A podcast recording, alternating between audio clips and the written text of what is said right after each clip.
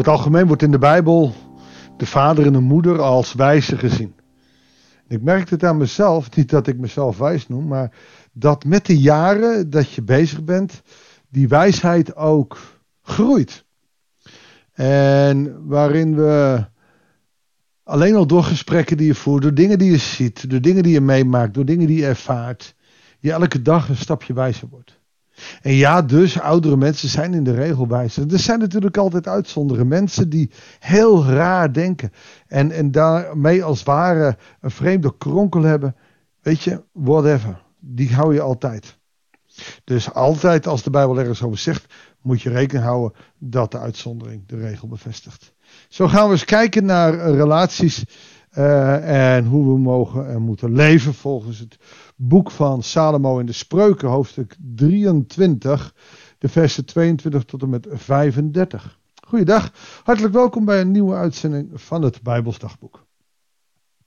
Luisteren naar je vader, hij die je verwekt heeft. Veracht je moeder niet wanneer ze oud is. Nou, allereerst gaat dit uit van een situatie waarin je vader en je moeder een goede band hebben met jou als kind.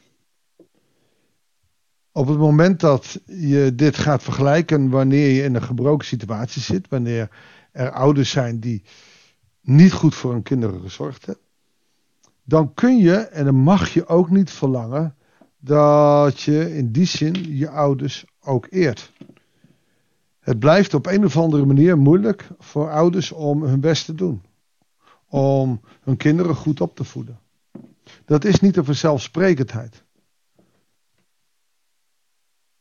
En ik zal heel eerlijk zeggen, ik doe mijn uiterste best om mijn kinderen zo goed mogelijk op te voeden. Maar dat weerhoudt niet het feit dat ik het gevoel heb dat ik daar ook wel eens schromelijk in ben gefaald. dat zeg ik niet om nou boehoe, huilen, huilen, janken, janken, oh ben ik slecht. Nee, maar het is dus geen vanzelfsprekendheid. Eert uw vader en uw moeder opdat het u wel gaat.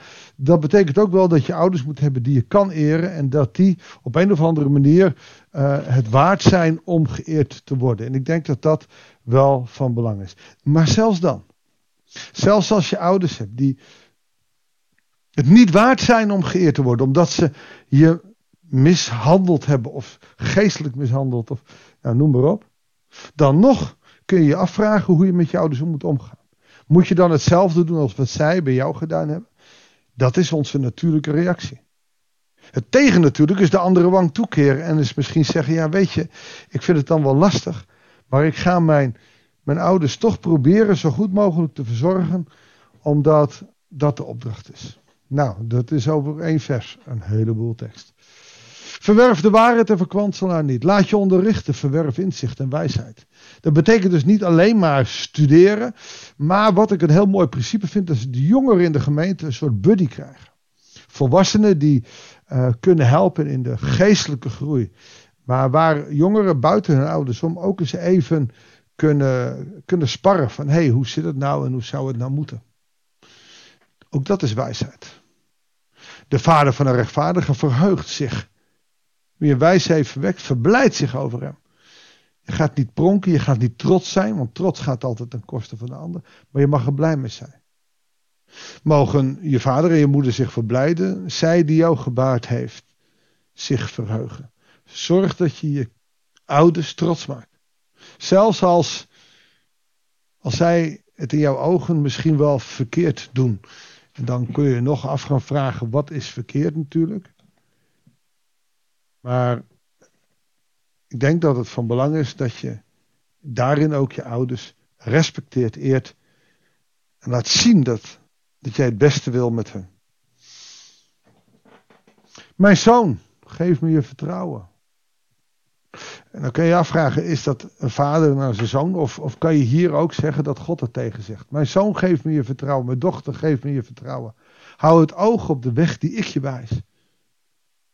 Maar dit kan dus zowel een vader of een moeder zijn of God. En dan geeft hij twee praktische voorbeelden. Want een hoer is een valkuil. De vrouw van een ander, dus vreemd gaan, een nauwe put. Ze leggen hinderlagen als zou roven, verleiden velen tot ontrouw. En het is een gruwel in de ogen van de Heer. Horerij heeft hij niks mee, is hij op tegen. Vreemd gaan, veroordeelt hij. Niet in de zin van je zult worden gedood, zoals in de wet van Mozes, maar hij veroordeelt het wel. Het is een gruwel in de ogen van de Heer. Wie roept altijd ach en wij? Wie maakt altijd ruzie? Wie heeft altijd wat te klagen? Wie raakt altijd nodeloos gewond? Wie heeft er troebelogen? Een dronkaard, die tot in de vroege morgen drinkt, die blijft proeven van de wijn en nooit eens even stopt. Dat zijn mensen die veel te veel drinken. Die worden daar chagrijnig van, klageren van en uh, raken nodeloos gewond. Dit zijn geen mensen die wijsheid in pacht hebben. Het zijn mensen die eigenlijk alleen maar met zichzelf bezig zijn. Ik merk het aan jonge mensen, maar ook aan ouderen. Veel te veel alcohol op. Zonder dat ik meteen wil moraliseren, dat is niet handig. Je leven wordt er niet beter van. Laat je niet verleiden door de glans van wijn. Wanneer hij fonkelt in je beker, hij glijdt zo makkelijk over de tong. Maar later bijt hij als een slang. als je te veel drinkt, dan krijg je een kater. Spuit hij gif als een adder. En dit geldt natuurlijk niet alleen maar voor wijn, maar ook voor mensen die je mooie dingen voortzetten. Ik heb het wel eens gehad hoor, dat er een, een reclame was en, die kwam een paar keer voorbij. Ik dacht, het is serieus. Zo zou ik voor een goed doel geld kunnen maken. Maar uiteindelijk was het een slechte manier. Je moet altijd scherp blijven. Want later bijt hij als een slang. Spuit hij gif als een adder. En dan zie je vreemde dingen en begin je wartaal uit te slaan. Oftewel, we gaan het vergoeilijken. Je voelt je heen en weer geslingerd door de golven.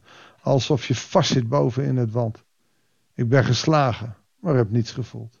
Ik ben afgerost, maar heb niets gemerkt. Laat ik maar eens opstaan. Eerst een beker wijn. Nou, het gaat natuurlijk uiteraard het eerst om mensen die te veel drinken. Zich verschuilen achter mooie smoesjes over, ah, ik kan het wel hebben, ah, ik heb er geen last van. Nou, laat me je één ding zeggen.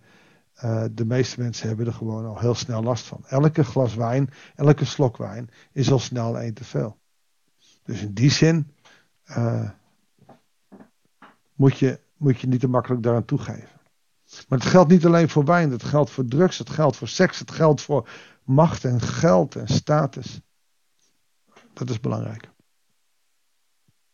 Nou, dit zijn wat wijsheden. Geen dronken zooi.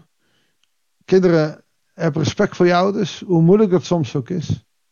Want daarmee eer je God. Maak je hem groot. En roep je de zegen uit over jezelf. Mag ik voor je bidden? Lieve trouwe God en Vader, dank u wel dat u ons ziet zoals we zijn. Dat u ons kent dieper dan wij onszelf kennen en dat wij uw hulp zo hard nodig hebben.